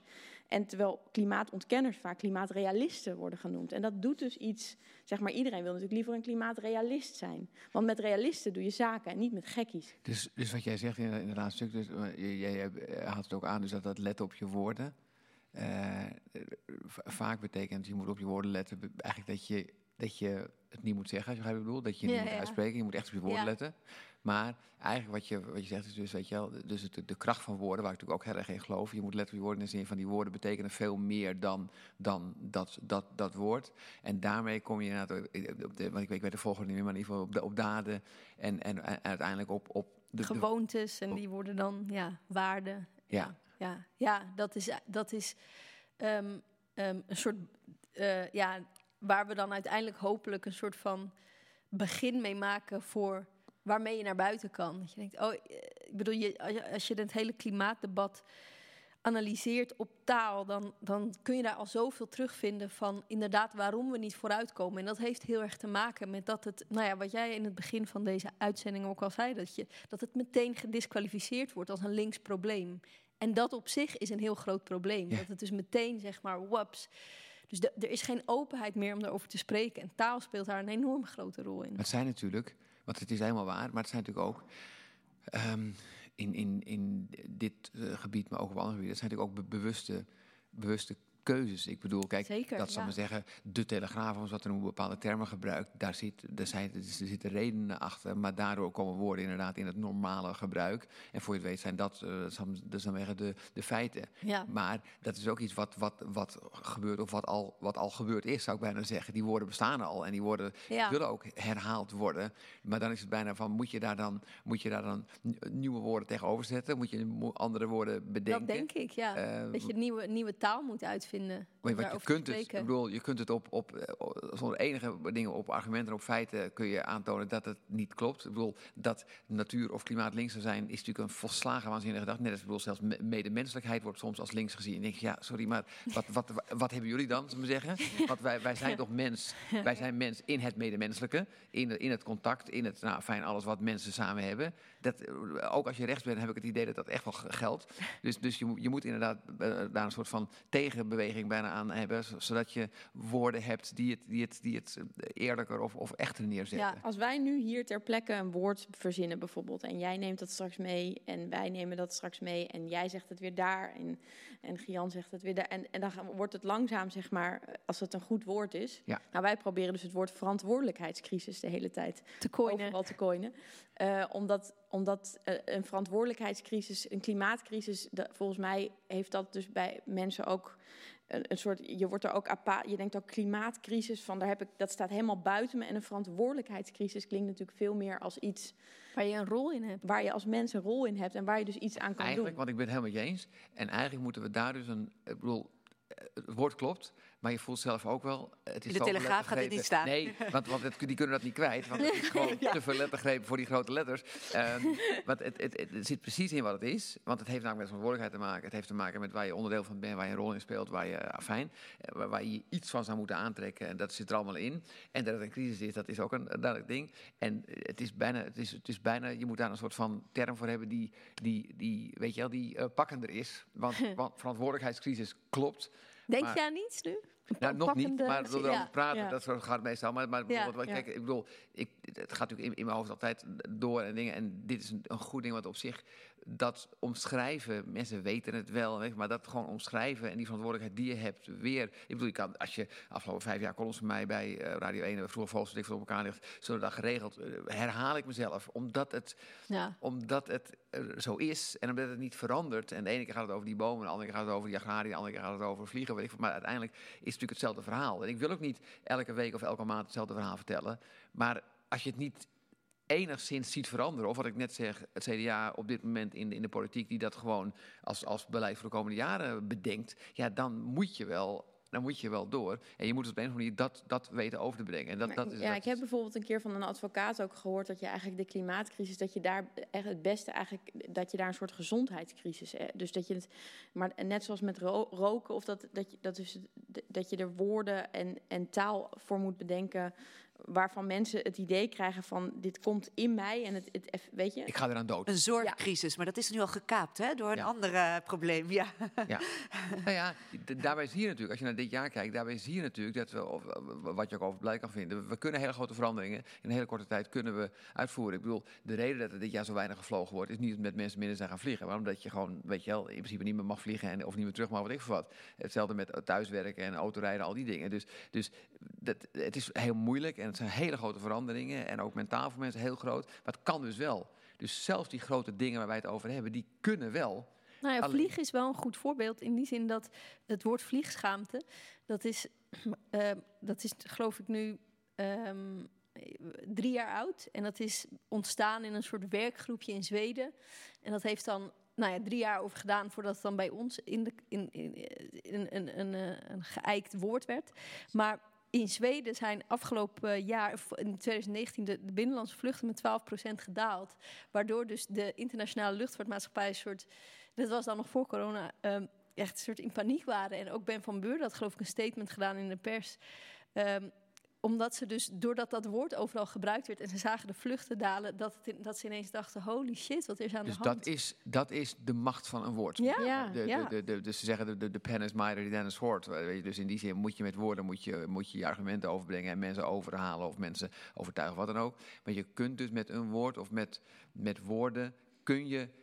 Eh, eh, In ieder geval Harari heeft er toch heel mooi over geschreven in zijn Homo sapiens. Dat ze zo iedere keer dat ze dachten: oh ja, nee, het verschil tussen dieren en mensen is dat eh, mensen hebben empathie en dieren niet. Nou, toen kwamen ze er steeds achter: nou, dat klopt niet, dat klopt niet. En eigenlijk dat schrijft hij in zijn boek dat het enige wat een mens van een dier onderscheidt, is dat een mens in staat is tot hele complexe imaginaire ordes, dus tot verbeelding. En dat dat dus ook de kracht is van de mens om in complexe verbeeldingen te denken. En dat daar dus ook de, volgens mij de oplossing zit. En dat heeft weer met taal te maken. Dus want, want je, je kan iets voor je zien door taal. Dus, dus er, er, er bestaat zoiets als taalactivisme, wil ik maar zeggen. Dat, eh, dat hoor ik. En eh, dat was eigenlijk ook een heel lang antwoord op mijn vraag eh, waarom er geen eh, oeremoties eh, vanuit jullie op dat podium stonden. Omdat je het ook dus via de taal het eigenlijk het woorden hebt gegeven. Ja, en ook omdat ik denk dat wij in dit project, zeg maar, die pleidooien, dus van die hoofdrolspelers in die crisis, veel interessanter vinden dan onze misschien particuliere woede of zo over dingen. Zou je, was je ook bang om dan, als je dat wel zou laten zien, om weggezet te worden? Nee, ik, ik was eigenlijk vooral bang, want we, we hadden onszelf dus voorgenomen. Ik, ik, ik vind in het theater vaak personages best lastig, omdat ik dan denk, huh, dan zit ik weer naar een soort scènes uit een huwelijk te kijken en denk, ja, dat heb ik thuis al. Of zeg maar, ga ik dat dan hier weer? En oké. En ik, ik, we- we- we hebben zo echt onszelf voorgenomen om te kijken of het ook kan dat je dus de, de- eigenlijk de, de acteurs representeren allemaal een instituut. Ja, of een, een idee. En kan je dus ook emotionaliteit tussen ideeën in plaats van personages die de een een klap geeft of weet je wel. En, ik, en da- daar, dat, Rebecca zei op een gegeven moment, eh, anderhalve maand geleden van, misschien moeten we ons voornemen om, laten we hopen dat dit de meest emotionele voorstelling wordt die we gaan maken. Voor mij, en ook dat is iets wat ik heb, weet je, het moment dat de, de, de aarde eh, op, Wauw, op, op ja. de lichtkrant is, dat is voor mij het meest emotionerende stuk. Want, althans, dat is dan mijn interpretatie, de aarde heeft geen stem. De aarde die is Ja. er, eh, voor, Ja. vooralsnog. En eh, hoewel die blijft ook wel, ook als wij weg zijn, is, dat is ook wel duidelijk. Maar maar, maar, maar als je dan op die manier, wat op zich behoorlijk in your face en dingen is. En ik, ik, voor ik het vergeten te zeggen dat ik de drie acteurs, of de drie andere acteurs, echt heel erg goed vind. Echt heel erg goed met z'n allen drie. Nou goed, in, in, soms in verschillende rollen, maar, maar dus dat echt fucking goed doen. Ehm, maar dat is uiteindelijk wat, wat, wat, wat ik denk van ja, dat, dat, bedoel, dat is gewoon wat het is. Wij, wij bepalen uiteindelijk. Ik heb het laatste bijna letterlijk in een column. Wij, wij vinden onszelf nogal wat. Want wij hebben namelijk die kettingzagen. We kunnen die boom omzagen. We kunnen dat hek neerzetten. We kunnen die, die Ja. laatste restjes olie en gas eruit fracken. En we kunnen, dat kunnen we allemaal. En dat doen we ook. We zouden het ook niet kunnen doen. Maar we kunnen het wel allemaal. Dus terwijl de aarde heeft geen... eh, Ik bedoel, ze- uiteindelijk met, met, met stormen, orkanen en andere shit, eh, maar zeggen, sla- sla- slaat ze terug, zou je kunnen zeggen. Maar uiteindelijk heeft ze geen stem, behalve dat. En dat, dat is natuurlijk uiteindelijk waar het over gaat. Wij, wij bepalen het. En wij hebben ook die verantwoordelijkheid om dat op een bepaalde manier te doen. En, eh, dus dat vond, ik, dat vond ik in ieder geval heel sterk. Van, poeh, ja, weet je wel, dat is de aarde. En, eh, De aarde krijgt wel steeds vaker, of zeg maar delen van de aarde krijgen wel steeds vaker mensenrechten. Dus er is een rivier in Nieuw-Zeeland, dat weet je vast wel, die Wangzui-rivier, die heeft mensenrechten. En die heeft dan twee voogden die in het parlement, dus de een woont aan de ene kant van de rivier en de andere aan de andere kant. En die, die twee voogden, die, die vertegenwoordigen De stem van de rivier. en en be- eh, Ah. beesten, dieren, levende wezens, hoe er noemen wil. orang-oetang in Ja. Buenos Aires met En, mensenrechten. en er zijn natuurlijk ook Ja. mensen ook die, die echt oprecht kunnen be- bewij- bewijzen van de dieren in de, ruimte hebben gewoon hebben ook recht om politiek mm, actief te zijn. En natuurlijk bij elke in de Tweede Kamer. Nee, niet in de Tweede Kamer. Maar je kunt wel de rechten van het dier. Je kunt, ik bedoel, op dit moment zijn er, eh, nou, as we speak, ongeveer 250, 300 miljoen kippen in Nederland die in in in een kooi zitten. Want die, die liggen volgende week in de ding. Dat, die hebben natuurlijk rechten. En die varkens en die dingen, eh, dat, is zo. Alleen, zolang wij denken, ah, je hou met je dierenrechten, dan hoef je er niks mee te doen. Maar uiteindelijk is je verantwoordelijkheid om er wel mee wel dat onze kleinkinderen dan over 60, 70 jaar, dat wij dan zo stok oud en dat we ze dan vertellen dat in onze tijd dat je dieren at en dat zij dan een soort zo bibberen. Ik denk, Ik hoop hoe kon dat? We dan nog zijn? Ja. Ja. Het waren pre-enactments, dus om ons voor te bereiden op de Ook een verzonnen woord door ons. toekomst. Ja, ja. Heb jij dingen gehoord waarvan je denkt, eh, die, die neem ik voortaan mee in mijn eh, jargon of in mijn taal? Nou, Of, eh, laat gesprek- jou- jouw kerstdiner of conferentie? Nou, bij, bij, mij, bij mij wil je niet op, kerst aanschuiven. En, eh, nee, daarom, daarom werk ik altijd met kerst. En eh, nee, eerste kerstdag is een vrije dag en tweede kerstdag dan hoop ik weer te spelen. Ehm, nou, ik bedoel natuurlijk, want dingen zijn we altijd door. Ik, ik zit nu zowel in mijn hoofd met, weet je wel, een column is een vorm om iets over te brengen. En wat ik nu meemaak, daar, daar zit het natuurlijk aan, aan in. Soms ga je zitten en dan schrijf je het en dan lukt het om dat, om dus waar wij het over hebben, om dat in een column te vatten en daarmee weet je al, een redelijke hoop mensen te bereiken. Dus dat zit altijd, ik bedoel, dat, dat zit altijd in mijn, in mijn hoofd. Maar eh, eh, laten we zeggen, die, de twee dingen die voor mij centraal zijn, die ik ook nu eruit haal, is dus waar we het net even over hebben, dus de, de, de, de aarde eh, eh, zien als iets anders dan iets waar we toevallig op leven. En ook de stem van die aarde op de een of andere manier horen en daar, daar, daar gebruik van maken, verantwoordelijkheid in nemen, vind ik een hele belangrijke. En wat voor mij natuurlijk ook een heel belangrijk ding is, is die, die, die kracht van een woord of van woorden. Ehm, omdat dat, dat hoop je ook. Eh, Als je iets schrijft, of een gedicht, of een column, of een tekst die je in theater gaat doen, hoop je ook dat dat meer is dan, eh, nou ja, in mijn geval, een soort van amusement of wat ik wat. Dan hoop je altijd dat het meer is. Dat, dat is de reden om het te doen. Niet eh, het, het applaus of iets anders, maar gewoon dat je iets, iets weet over te brengen. En dat is iets wat natuurlijk in deze voorstelling heel sterk zit, maar ook, ook in waar we, waar we het nu over hebben. Eh, en dat zijn dingen die ik in ieder geval daarvan, daarvan meeneem. Ben je een taalactivist? Ja, eigenlijk, ik bedoel, eh, ja, eigenlijk natuurlijk wel. Omdat, eh, ehm, ja, eh, taalactivist is, een, is daar een hele mooie term in. Omdat je, uiteindelijk is woorden wat je hebt, op, in, elke, in elke vorm. Of je ze opschrijft of uitspreekt. Dus ja, en, en, en wat ik zeg, ik hoop altijd dat het, dat het meer is dan een, een goede grap of een, of, of, of, of, of, vier minuten radio, zou ik zeggen. Dus eh, dat is altijd mijn hoop. En soms weet ik dat het zo is, omdat het iets oplevert en mensen op reageren en noem maar op. En heel soms weet je het ook niet, of vaak weet je weet ook niet wat mensen van een voorstelling meenemen. Je hoopt dat ze een leuke avond hebben, maar je hoopt dat er ook nog iets meer is. En eh, dus ja, ik ben, ik ben zeker, een, eh, zeker een taalactivist. En jij gaat dus dat alternatief voor die verantwoordelijkheidscrisis Nou ja, dat is natuurlijk een hele zware, daar gaan we- dat is daar een gaan we- hele, dat is een hele zware last. Maar, maar, nee, maar dat is het lastige ook. Ik bedoel, het, het, het klopt helemaal. Dus het, het, eh, maar, maar, het moet, ja, het moet een, een term zijn die je, die, je op, eh, die je in die zin makkelijker kunt gebruiken dan deze. Want als je een loszittend gebitsplaatje hebt, dan ga je halverwege de verantwoordelijkheidscrisis, dan ga je gewoon, ga je gewoon stranden. En dan denken mensen, wat, wat is dat dan? Dus dat, dus dat, ergens daar zit hij, maar ik weet nog niet precies waar. Maar, ja. Ja, Is, eh, ma- mag ik iets vragen? tuurlijk, ja. Ehm, nou, ik, ik, ik zit ineens te denken, omdat we dit gesprek begonnen met ehm, eh, jouw vraag, Dolf, van ja, en waar kom ik op uit? Of, of ik heb van alles gehoord en dan... En ik, en ik denk op bedrijfsleven, politiek, ja, ja. En, en dan zo van hoe, wat daarna. En, en ehm, jij, Jan, noemde net ook al zo of de, dat je niet eh, moralistisch moet zijn of dat je niet. En ik vind dat zo twee ehm, eh, ja, polen of zo waartussen je beweegt. Omdat dat ik ook heel erg voel dat mensen toch. We kregen een paar dagen geleden van een toeschouwer best wel ontroerende mail dat hij heel erg dankbaar was voor de voorstelling. En, maar dat hij ook, dat hij, ja, maar wat, wat moet ik nou doen? Zo. En dat ik, ik, ik vond dat zo, ehm, dat, dat wij dat met in alle macht hebben geprobeerd te vermijden om mensen een opdracht te geven. Ja. En dat er tegelijkertijd toch ook een heel groot verlangen is naar. Ja, gebruiksaanwijzing is misschien niet het goede woord, maar wel een, een- survival gids of iets of zo. Dus hoe. Nou, mijn vraag is misschien van. Herken jij die twee polen en, en hoe, hoe, hoe manoeuvreer jij daartussen? Als Ja. kijker en als maker? Ja, die twee polen herken ik zeker. En ik zou ook denken, op het moment dat je dat zegt, dat, dat eigenlijk... Want ik begrijp ook dat jullie, wat ik al zei, natuurlijk kom je niet met een oplossing. Dat dat zou wat zijn. Als we hier op fucking eh, dinsdagavond in, In opeens hebben, de, of nu hier op woensdag. Dat- dat- natuurlijk niet. Maar dus dat, dat begrijp ik ook. En dat is ook, dat is ook of niet je taak als maker, maar zeggen, om, om, om, om oplossingen te geven. Ik bedoel, het gaat eerder om vragen stellen dan om antwoorden geven, zou ik zeggen.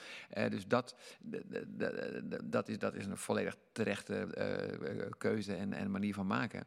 En het andere is eigenlijk is de, is de, eh, de, ja, wat, wat we dan niet de opdracht zullen noemen. Maar het gaat uiteindelijk over, over waar we het net even over hadden, over wat, over wat mens zijn is. Want mens zijn op alle, op alle manieren is wat je samen hebt, wat je deelt, wat je eventueel niet deelt, wat je, waar, je, waar je het leuk mee hebt of conflict of wat dan ook. Eh, wat je voor een ander doet, wat je terugkrijgt. Al die dingen die, die, die mens zijn bepalen, zitten ook in, ook in deze thematiek. Hoe je je gedraagt, de gevolgen daarvan. Of je überhaupt iets aantrekt van anderen, dan wel hier om hoek, dan wel ergens in Oost-Afrika of, of op eh, die eilanden die, eh, die eh, nou, zoals jullie zeggen, de, de, kajak over het laatste huis heen, heen gaat.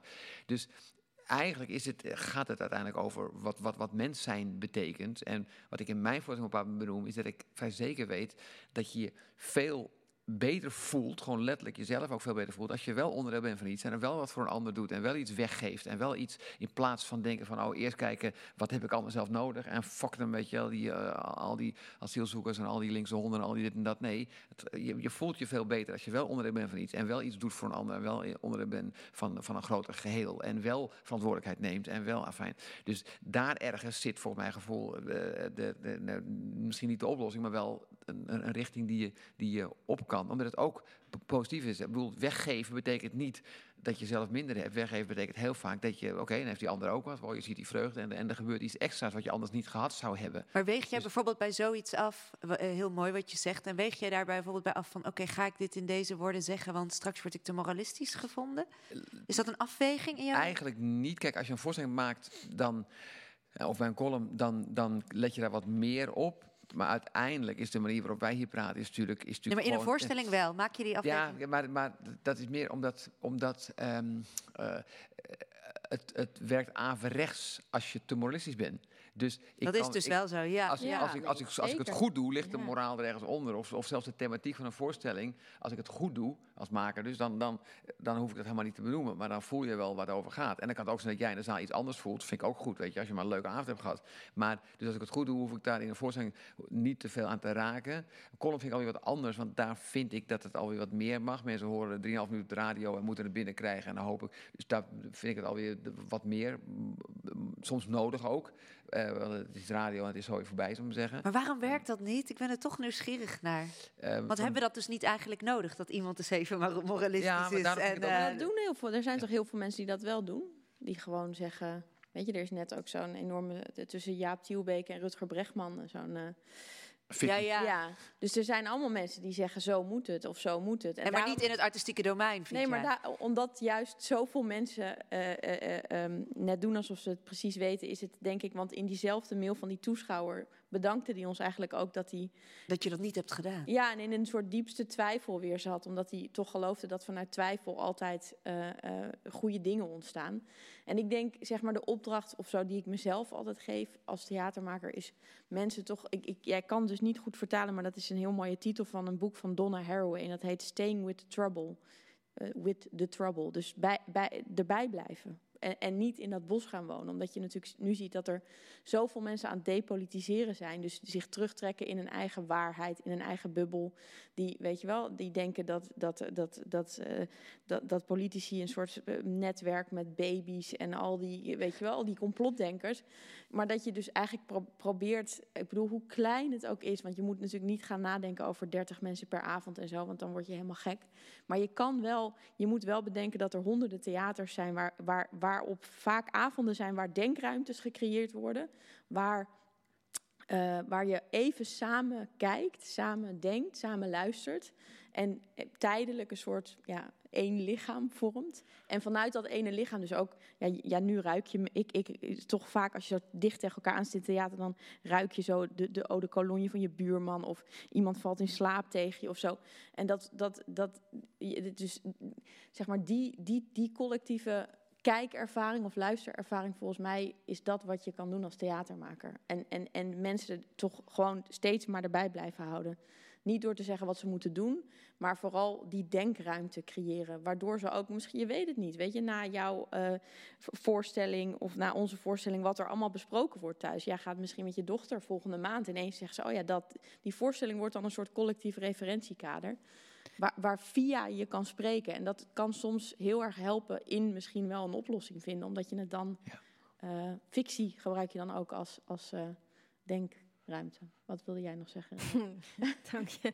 Nee, ja, nou, om de, de, ehm, antwoord geven op je vraag, de, eh, waarom dat dan averechts werkt, denk ik dat, dat, dat het ook een beetje een esthetische kwestie is of zo. Dat, dat, dat het gewoon niet zo ehm, mooi is om, om, om te zeggen, het gaat erom, dubbele punt, dat we ehm, Meer voor elkaar zorgen. Want als we meer voor elkaar zorgen, Ja, dan voelen en- we ons en- verbonden... dan voelen we de planeet. Volgens mij heeft dat te maken met dat je het dat, dat ook woorden.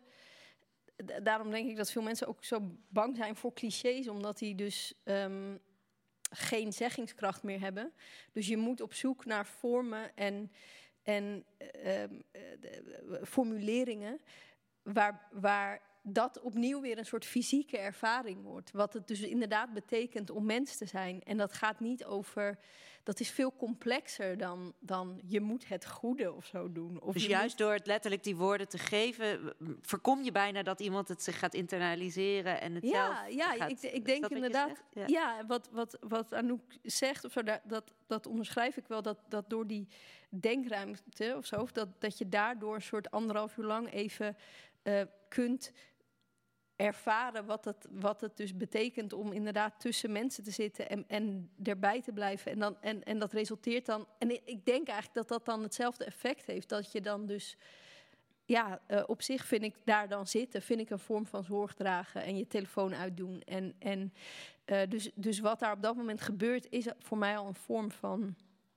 Ja, de, de, de moraliteit die je misschien wil uitdragen, wordt op dat moment al belichaamd of zo. Dus ik, dat hoeft dan nog niet, niet eens extra uitgespeld te worden. Sowieso is het zoveel krachtiger als een toeschouwer zelf een, een iets, weet je wel. Want dan, dan komt, gaat het zo wat helemaal door je lichaam. En dan, en dan, heb jij, dan is dat een emancipatie die jij hebt gemaakt... in plaats van dat iemand zegt, en dat moet jij denken. De groeten. Ja, Wel een dus, dus goede eigenlijk is die, is die, die, die stilte waarna ik feest dus op het moment dat de aarde spreekt en dat het doodstil is en dat je alleen die muziek een beetje hoort, is dus, dat is een, ook een poëtisch beeld, maar is, dus, is een veel sterkere boodschap dan bij wijze van spreken de beelden laten zien van al die dingen die gebeuren op aarde, omdat wij als mensen nou eenmaal de baas zijn en besloten hebben die oerwouden om te hakken en die, en die ijsberen te fokken. Dus, dus dat is, dat, want iedereen maakt daar zijn eigen beeld bij. En denk je, dit is dus wat er, wat er gebeurt. En de een zal het meteen linken aan, aan, aan dat bedrijf waar we het over hebben, of de een zal het meteen of aan zijn eigen gedrag of aan iets anders. Maar dat, dat, is, dat maakt niet uit uiteindelijk gebeurt er iets op dat moment. En inderdaad, wat je zegt, op dat moment met 30 mensen. Maar er zijn honderden en duizenden zaaltjes overal in de wereld waar dingen gebeuren. En dat is nog steeds maar heel weinig mensen. Maar uiteindelijk bereik je met, met dat ripple effect van we zeggen, die, die steen of dat steentje in die vijver. En dat, dat gaat door, bereik je wel heel veel mensen. En dat is de, wat je hebt als maker. Uh, hoe doe jij dat in jouw werk? Ik bedoel, jij praat heel veel. Uh, ja. je, je, je, je, hebt hier een pleidooi voor dat ene moment van die stilte. Nou, kijk, het is natuurlijk hoe het, is ook, voor dat... zeggen, het is ook een pleidooi voor theater. wat natuurlijk op dit moment in de tijd een hele, hele bizarre is. Als je in Nederland kijkt, nou goed, we hopen allemaal het over twee weken, et cetera. Uh, dus het is ook een pleidooi voor theater. En voor, waar we het leren over hadden, een pleidooi voor het, voor het woord en voor de taal. En voor de poëzie en alle manieren die je kan gebruiken om mensen te, te raken. En daardoor indirect misschien tot ander gedrag aan te zetten. Of in ieder geval tot andere denkbeelden of wat dan ook. En het is inderdaad zo dat je dat. Dat vind ik ook echt als maker zoveel mogelijk moet vermijden. Soms is het, in wat ik doe, is het niet helemaal te vermijden, maar grotendeels wel. Maar het heeft vooral daarmee te maken. Je bent een maker, je houdt van taal, je houdt van, van, van de poëtische kracht van taal en van andere dingen. Dat wil je gebruiken. En inderdaad de goede vragen soms stellen en dan hopen dat uit het antwoord de gedachte voortkomt bij het publiek. Dat is, dat is wat, je, wat je kan. En dat is ook in die zin belangrijker dan zeggen hoe het, hoe het in elkaar zit. Net zoals we allemaal moeten gaan geloven. Dat gaat dus niet, dat gaat niet gebeuren, denk ik. Weet en, ik. en humor is hier belangrijk bij. En humor is, is, is er ook weer één. Ik bedoel, is er ook weer één. In de zin van, van um, het is niet zo dat ik daar sta om constant grappen te maken. Net als in andere situaties. De, de grap valt soms en, en kan soms even opluchting zijn of even, even een andere, iets anders. Maar uh, ook in de grap kan je meer doen dan dat, zou ik maar zeggen. En het, mooie is dat je in taal zoveel vormen hebt. Het verhaal en de poëzie en de grap en de interactie met de mensen. En nou, fijn, er zijn heel veel vormen. Dus, dus, maar, maar de grap werkt daar ook zeker, zeker in. Als je althans nu dan een goede grap hebt, dat is natuurlijk wel... Ik denk gewoon ook nog als het gaat dus over je rol goed kennen. Ik denk dus dat het hier ook weer geldt dat een kunstenaar echt een andere rol heeft dan een activist. En dat dat moralisme dus veel meer um, uh, bij, bij een NGO hoort of een, een leraar of weet ik veel, maar niet bij een kunstenaar. Een kunstenaar is, e-, heeft echt een andere rol. En het zou ook kunnen dat je daardoor ook in die zin meer mensen kunt bereiken. Kijk, als mensen echt helemaal een beeld van je hebben van oh, die doet dat en dat en dan komt daar een publiek bij. Dat heeft iedereen wel. Maar als je natuurlijk in die zin het eigenlijk wat omvloers doet en wat in die zin wat mooier doet en wat jij ook zegt, weet je, dus, dus niet zo echt streep, maar juist op, dat, dat, misschien dat je dan meer mensen kunt bereiken. Want met een mooie voorstelling of een, of een grappige voorstelling of een betere voorstelling is de kans groot dat je meer mensen bereikt dan met, met uh, inderdaad uh, puur op de barricade en dit en dit en dit vinden. Dat, dus dat, is het mooie van theater maken of van taal gebruiken, dat je er ook meer mensen mee kunt bereiken. En het kan ook indirect zijn door die gesprekken waar je het over had en door wat er daarna uit voortkomt.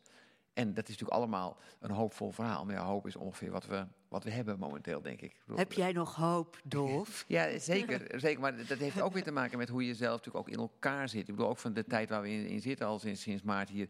daar kan je ook heel erg down van raken. En, en ik bedoel, als ik nu feitelijk kijk, denk ik wat ik het allerliefste doe... namelijk nu vier keer in de week spelen en overal die oudejaars spelen...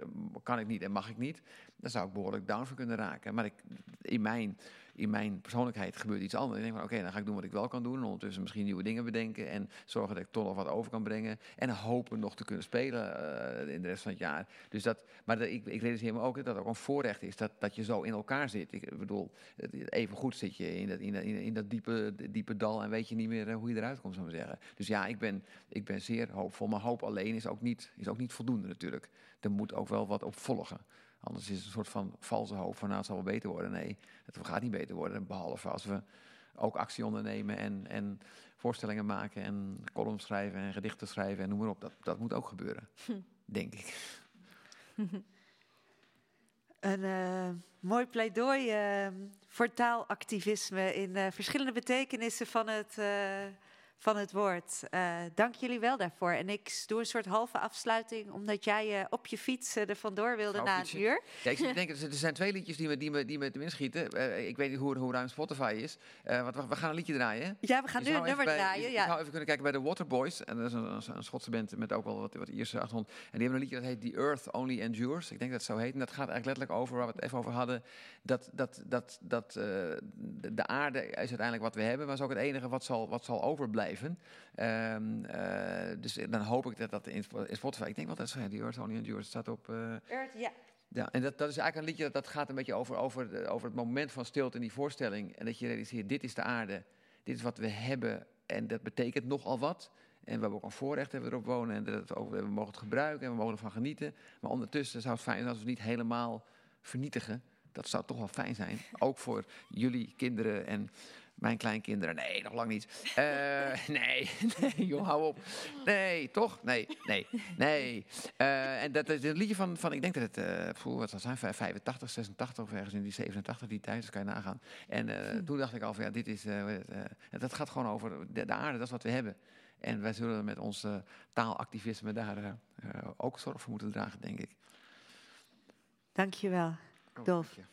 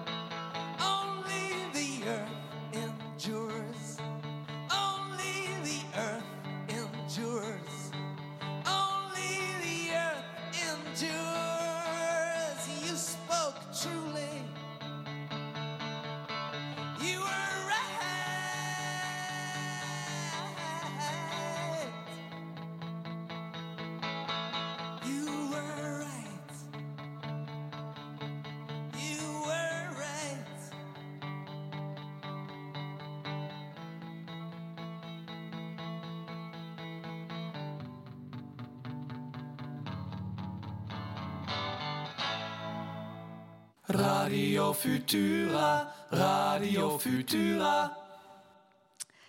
Ik zit nog steeds hier met uh, Anouk Nuyens en Rebecca de Wit, de makers van de voorstelling De Zaak Shell. En nou ja, niet alleen de Zaak Shell, dat was eigenlijk een, uh, ja, hoe zeg je dat? De kroon op uh, jarenlang onderzoek en allerlei tussenproducties. hoe is het eigenlijk tot deze vorm gekomen na al die jaren met al die tussen. Uh, waarom moest dit het zijn, laat ik maar zeggen? Nou, dat was in het begin. Ja, al die jaren, 2,5 jaar. Maar ja, nou, ja, is ook al die ja, jaren. Nee, voor, dat is meer fout. Dat ja. is meer fout, is waar. Nee, um, eigenlijk in het begin um, van um, dit project, waarbij we ons soort van. De aanleiding van het project was de rechtszaak die Milieudefensie heeft aangespannen tegen Shell. Waarbij ze worden aangeklaagd voor toekomstige klimaatschade. En die uh, ja, in die zaak ligt eigenlijk, wat ons betreft, wordt nagedacht over de. Wie heeft er eigenlijk verantwoordelijkheid in deze klimaatcrisis? En zijn er partijen die te veel of te weinig verantwoordelijkheid nemen? En um, Shell die, die, die, die is van mening dat de consument schuldig is. Of dat, dat het vooral ligt dat de consument dingen kan veranderen. En dan pas kan Shell veranderen. Als, zij, als wij stoppen met tanken, dan en wij dachten, wat als we nou een, um, die twee partijen in stelling brengen, dus de consument en Shell. En toen kwamen we er eigenlijk vrij snel achter dat als je het over de consument hebt, dat je het dan ook over de overheid moet hebben. En als je het over de overheid hebt, moet je het over de burger hebben en over de media en over toekomstige generaties. En dus um, werd het eigenlijk een soort onderzoek naar het, het hele systeem, naar eigenlijk alle uh, betrokken partijen in deze crisis. En, en Ehm, dus we zijn, eh, de, de, de manier, het zijn dus nu vijf monologen geworden en we hebben ze ook echt geschreven op die eh, ja, volgorde van eh, die soort verantwoordelijkheidsestafette. Dus Shell wordt aangeklaagd, die wijst naar de consument, de consument wijst naar de overheid, de overheid wijst naar de burger. De burger, ja, dat is een beetje, die wijst deels terug naar de overheid, maar ook naar toekomstige generaties. En toekomstige generaties, die, daar stopt het eigenlijk. De Die wijzen naar de aarde. Ja. Ja, ja. Ehm, Media hoor ik trouwens niet. Vind ik toch wel interessant dat je dat nu noemt. Is dat dan ook nog een overweging geweest om dat de speler te laten zijn? Of ja, geen idee is- hoe dat stem zou moeten krijgen? Maar... Ja, nou, dit, is, dit was nu een soort een constellatie die, die wat ons betreft best wel ehm, eh, een heel groot deel beslaat. En, en de media is een beetje een soort... Daar waren we zelf wel benieuwd naar van waar zouden we op uitkomen... als we die ook als partij beschouwen. Niet alleen als soort doorgeefluik, maar ook als... als Belanghebber eigenlijk. ja, Ja, en ook omdat dat natuurlijk... ehm, maar dat is, dat is door, ja, deels door omstandigheden, eh, COVID-omstandigheden... dat het gewoon... eh, Ik bedoel, er waren al vijf partijen en de behapbaarheid... Ehm, en dat die in zekere zin ook een beetje naast die estafette staat of zo. Ehm, dat we dachten, we, we gaan het hierbij laten. Maar dat is misschien nog wel iets wat we... eh, eh, ja, we hebben het gevoel dat het project ook niet stopt hier... maar wat we in de toekomst wel gaan onderzoeken, toch? Ja, ook tijdens dat die zaak Shell gaat spelen, gaat dat natuurlijk ook weer een heel belangrijk... Ja, eh, Ja, we hebben bijvoorbeeld ook best wel lang wilden we een pleidooi namens eh, de klimaatvluchteling schrijven. Er komen steeds meer klimaatvluchtelingen bij en er, er zijn, er zijn zeg maar berekeningen van, ja, dat, dat zijn, dat, als, als klimaatontwrichting zich doorzet, dat er, dat, en zo, er zoveel verwoestijning gaat plaatsvinden en overstromingsgevaar en eilanden gaan verdwijnen, dat we echt binnen heel korte tijd met echt tientallen miljoenen klimaatvluchtelingen eh, te maken krijgen. Oh, oh. Dus, dus dat is een perspectief of een, of een speler in, in die crisis die, ook, die, je ook, die je ook vaak niet hoort. Eh, dus daar, daar zijn we ook. eh, we hebben zo allemaal mapjes op onze computer. We hadden ook de ecomodernist nog. En, ehm, dus, dus, dus, de, en de media inderdaad. Ehm, dus Al die dus- mensen die in het bos gaan wonen, hoor ik jullie nu al een paar keer op eh, afzetten, afgeven. Ja. Ja, en ook zeg maar de klimaatontkenner. Of je hebt natuurlijk nu ook de complotdenker erbij. Of zo. Dus je hebt natuurlijk veel, veel eh, hoofd, hoofdrolspelers of zo. Waar je, dus, je, dus nee, het voelt ook alsof we nog niet klaar zijn. Maar dat vind ik wel opmerkelijk, want ik las ergens eh, dit, dat dit het kopstuk was. En dat het voelde als een soort afsluiting, maar eigenlijk ni- Nou, niks dat is- daarvan. Nee, wel, op zich- ja, wel omdat, omdat het. ehm eh, wij natuurlijk die monologen. We zijn er dan helemaal ingedoken individueel. En, en we waren gewoon best wel benieuwd. Dus, en dan de research die we gedaan hebben voor elk perspectief. Ehm, en dan merk je ook dat je heel erg gaat vereenzelvigen met dat perspectief. Dus dat is dat wel interessant om mee te maken. Eh, en we wilden kijken wat er. Het was voor ons heel belangrijk om die perspectieven achter elkaar te zetten. Dus een, dus een bouwwerk te maken waarbij, het, ehm, waarbij je een glimp krijgt van het systeem. En, dat, en eh, zonder dat je dat eh, verlamt, wat toch vaak het geval is. Dus dat was heel nadrukkelijk de opzet. En, en ehm, hebben we dus binnen de teksten die we moesten we opnieuw aan de slag met al het materiaal wat er was, om zeg maar zo heel goed na te denken over wat is nou de kern van, van elk pleidooi. En, en hebben we dus ook heel veel, is er heel veel materiaal buiten de boot gevallen, waar materiaal waarvan je denkt, oh, maar als we die afslag pakken, dan ja, ook heel boeiend om in te gaan. Dus we hebben nu als het ware een soort ja, constellatie gemaakt die we zelf heel graag wilden zien. Van wat gebeurt er nou als we dit allemaal achter elkaar zetten? Want dat wisten we zelf ook niet. Van, wat voel je nou als je die vijf perspectieven achter elkaar zet? Is dat dan, ben je, ben je, ben je, ben je verpletterd? Ben je, ben je eh, zeg maar, voel je ineens een soort agency of zo? Dus, dat was, dus in die zin voelt het wel heel erg als, als een soort ehm, eh, samenkomst. Maar voel ik tegelijkertijd ook dat, dat er nog wel dingen onderbelicht zijn. Waar ik wel zin heb om in te duiken. Als een soort uitrekking eigenlijk, dus een uitbreiding. Dus een drie uur Ja, alsof je inderdaad een soort nu zeg maar de, de, de ik weet niet, de, de, de middelste, ehm, band of zo hebt, zeg maar, dat we, dat we op de kern zitten van de zaak. Maar als je dat uitvouwt, dat je dan ineens zeg maar de totale landkaart De verschillende hebt. partijen, de verschillende bedrijfsmensen, de verschillende burgers. Ja, bijvoorbeeld. Of inderdaad, nou ja, de media is wel een, go- een goede, omdat je die misschien niet als een hele usual suspect in, in, die, in die driehoek, die maatschappelijke driehoek, dus burgers, bedrijfsleven, overheid, maar dat, dat die daar toch ook wel een rol in spelen. En, niet, en, en helemaal met dit probleem, wat gewoon ook, ja, waarvan veel journalisten zeggen dat het ook een representatieprobleem is, omdat het Zeggen jullie zelf ook, toch? Dat het met van taal afhankelijk is en van de Ja, woorden die Nee, klopt, worden. klopt.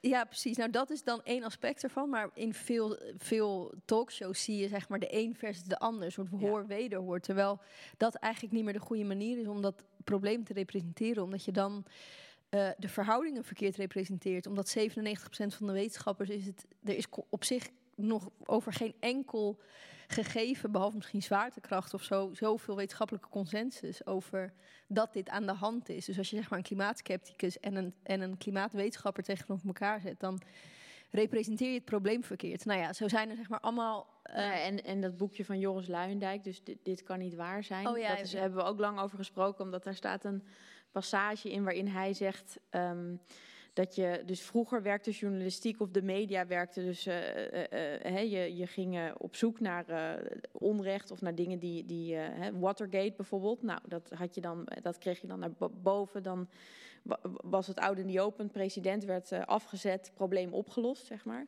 En dat, dat Joris Luijendijk eigenlijk stelt dat op dit moment dat we, dat we eigenlijk alles al weten, snap je? Dus er hoeft niet nog een Watergate of zo uit, uit het eh, moeras getrokken te worden. We weten, er, er is zoveel eh, wat zeg maar al openbaar is, wat, wat we weten, dat, dat je dus als journalist ook een andere rol krijgt. Dus eh, dat de journalistiek daarmee dus ook verandert. En daar zaten we dus ook heel erg over na te denken. Maar ja, het, het is gewoon best wel veel werk. Ehm, eh, mensen zeggen nu vaak, of dat le- lezen we vaak en horen vaak van wat een goede tekst, wat een goede tekst.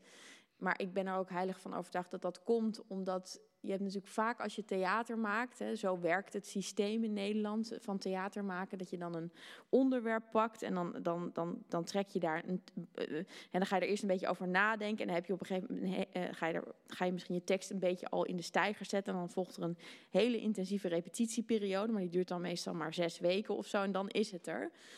Maar dat, wij hebben echt op een hele andere manier gewerkt. Dus wij zijn En aandeel... ook heel, oh, eh, heel oneconomisch. Zeg maar in, in die zin dat we dus avonden hebben georganiseerd. Dus die pre-enactments waar we het eh, over hadden. Waarbij we dan dus voor één avond twee nieuwe monologen. En wij werkten daar allebei een maand minstens fulltime aan. En dus ik moet ook wel zeggen dat ik de, de, de partners van, deze, van dit project, dus Frascati in de Nieuwe Tijd, enorm dankbaar ben dat ze zeg maar ons ja, drie jaar lang hebben Dus je- ja, er zit gewoon heel veel uren, heel veel geld, heel veel eh, tijd Ja. in het voorbereiden. Dus we zijn bijvoorbeeld voor Shell hebben we, eh, voor de monoloog van Shell hebben we bijna alle ehm, die wij konden vinden op internet en in archieven. Dus alle speeches van CEO's sinds de jaren tachtig die gaan over klimaatverandering. Hebben we eh, geselecteerd, gelezen, opgezocht, eh gehighlight dingen. Het- vervolgens zijn we aandeelhouder geworden van Shell.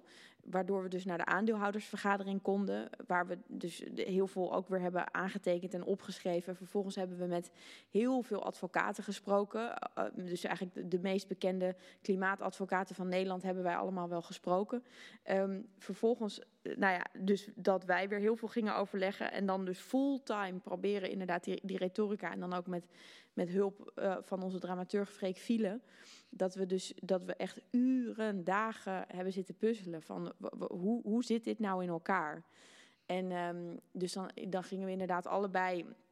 En dan, dan, hadden we allebei van: oké, nou jij neemt daar dan de lied en jij neemt daar. Maar dan gingen die teksten ook weer terug naar elkaar. En dus het is, het is, het is er zit zoveel eh, liefde eh, en toewijding en, en, en, en tijd in die teksten. Maar dat, dat, ik ben wel zwaar overtuigd van, eh, voor, voor ons in ieder geval, dat deze vorm, en dat voel ik ook aan reacties van toeschouwers, dat, dat, dus, dat, dat je dus Het echt... loont. Ja, er is dus niet één eh, norm voor een theatermaker van oké, dus eerst heb je een thema of zo en dan ga je dus schrijven en dan heb je zes weken, eh, weet je wel, repetitie en dan is die de première en dan tournee.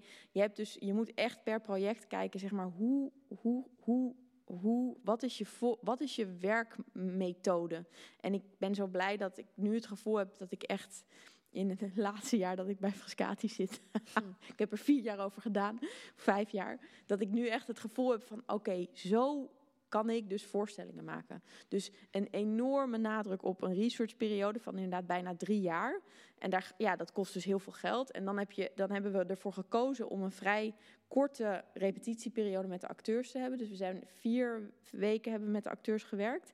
En hebben tussentijds inderdaad nog soort onderzoeksmatige soort toonmomenten gehad.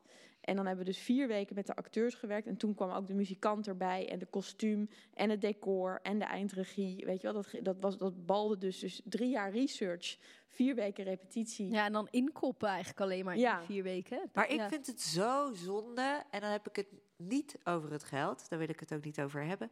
Maar dat dan al die kennis, al die research, echt als onderzoeksjournalisten.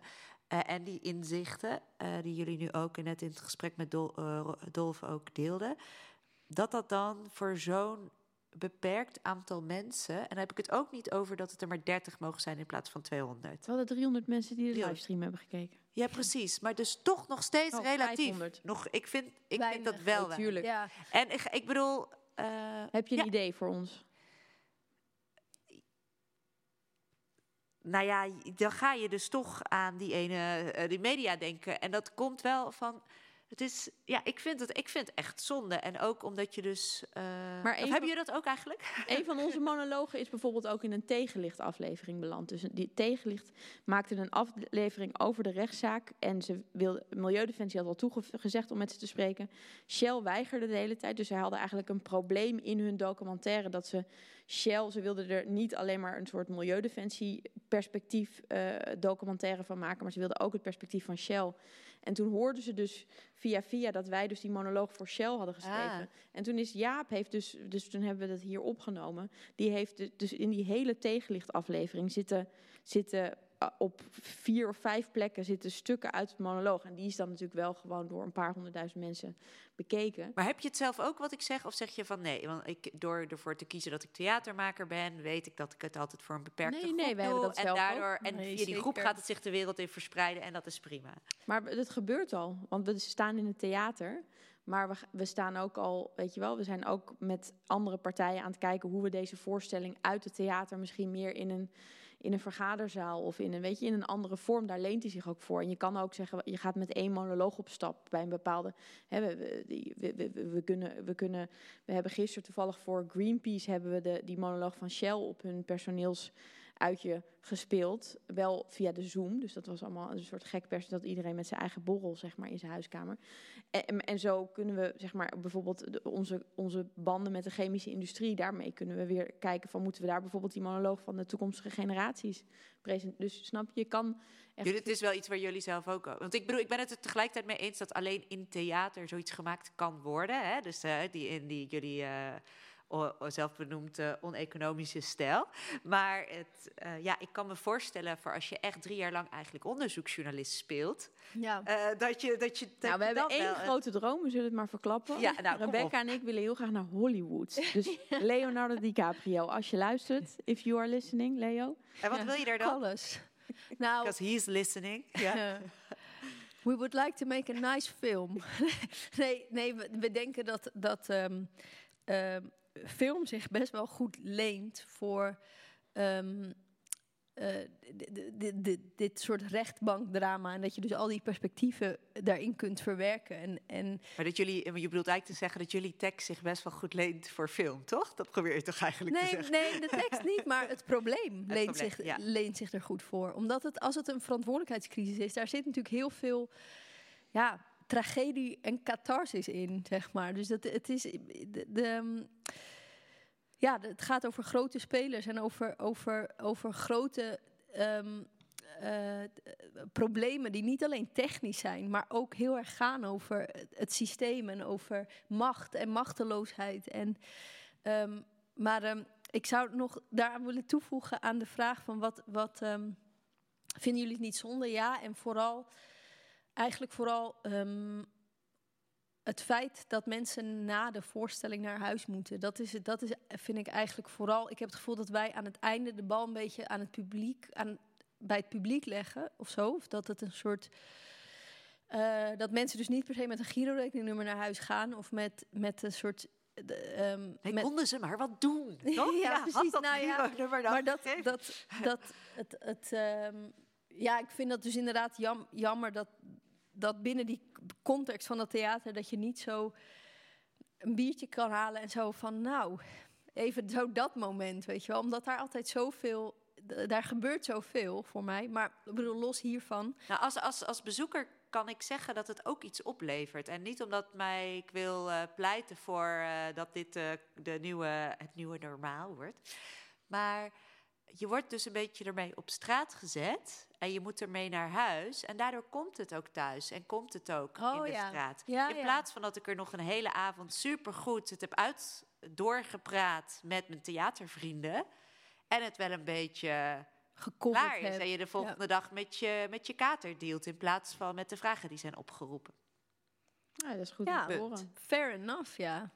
Nee, maar dit is wat, en ook wat Anouk zegt, denk ik dat voor mij is dit dan een beetje de zaak Shell, de theatervoorstelling of zo. En denk ik dat, dat het ehm, dat we een heel oneconomisch proces. Ik maak haakjes, maar dat zie je natuurlijk niet thuis als eh, luisteraar.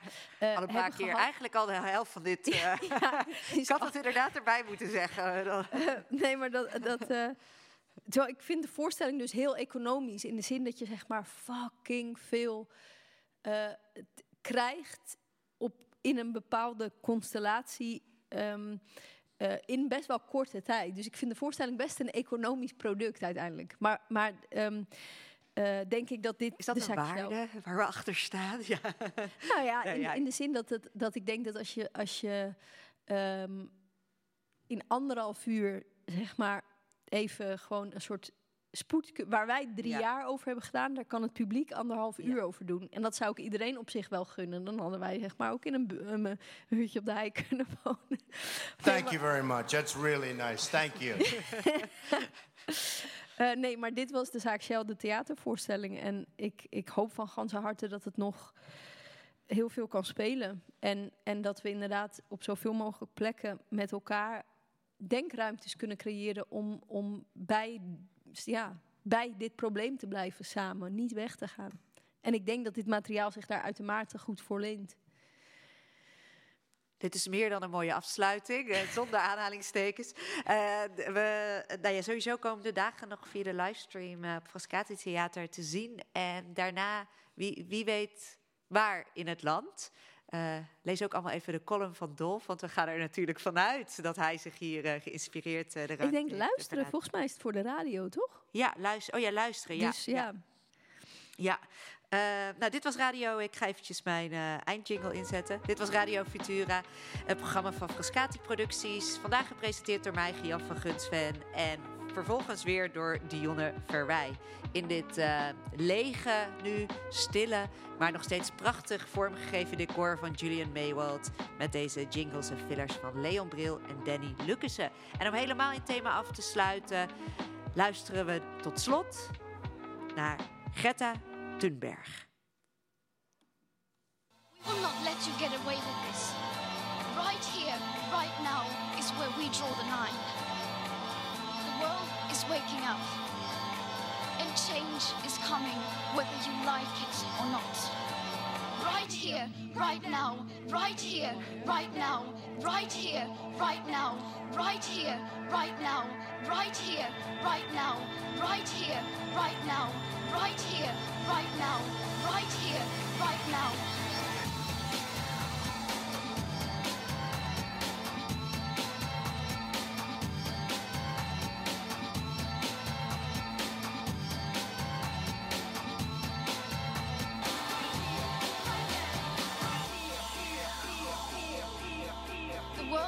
Waking up.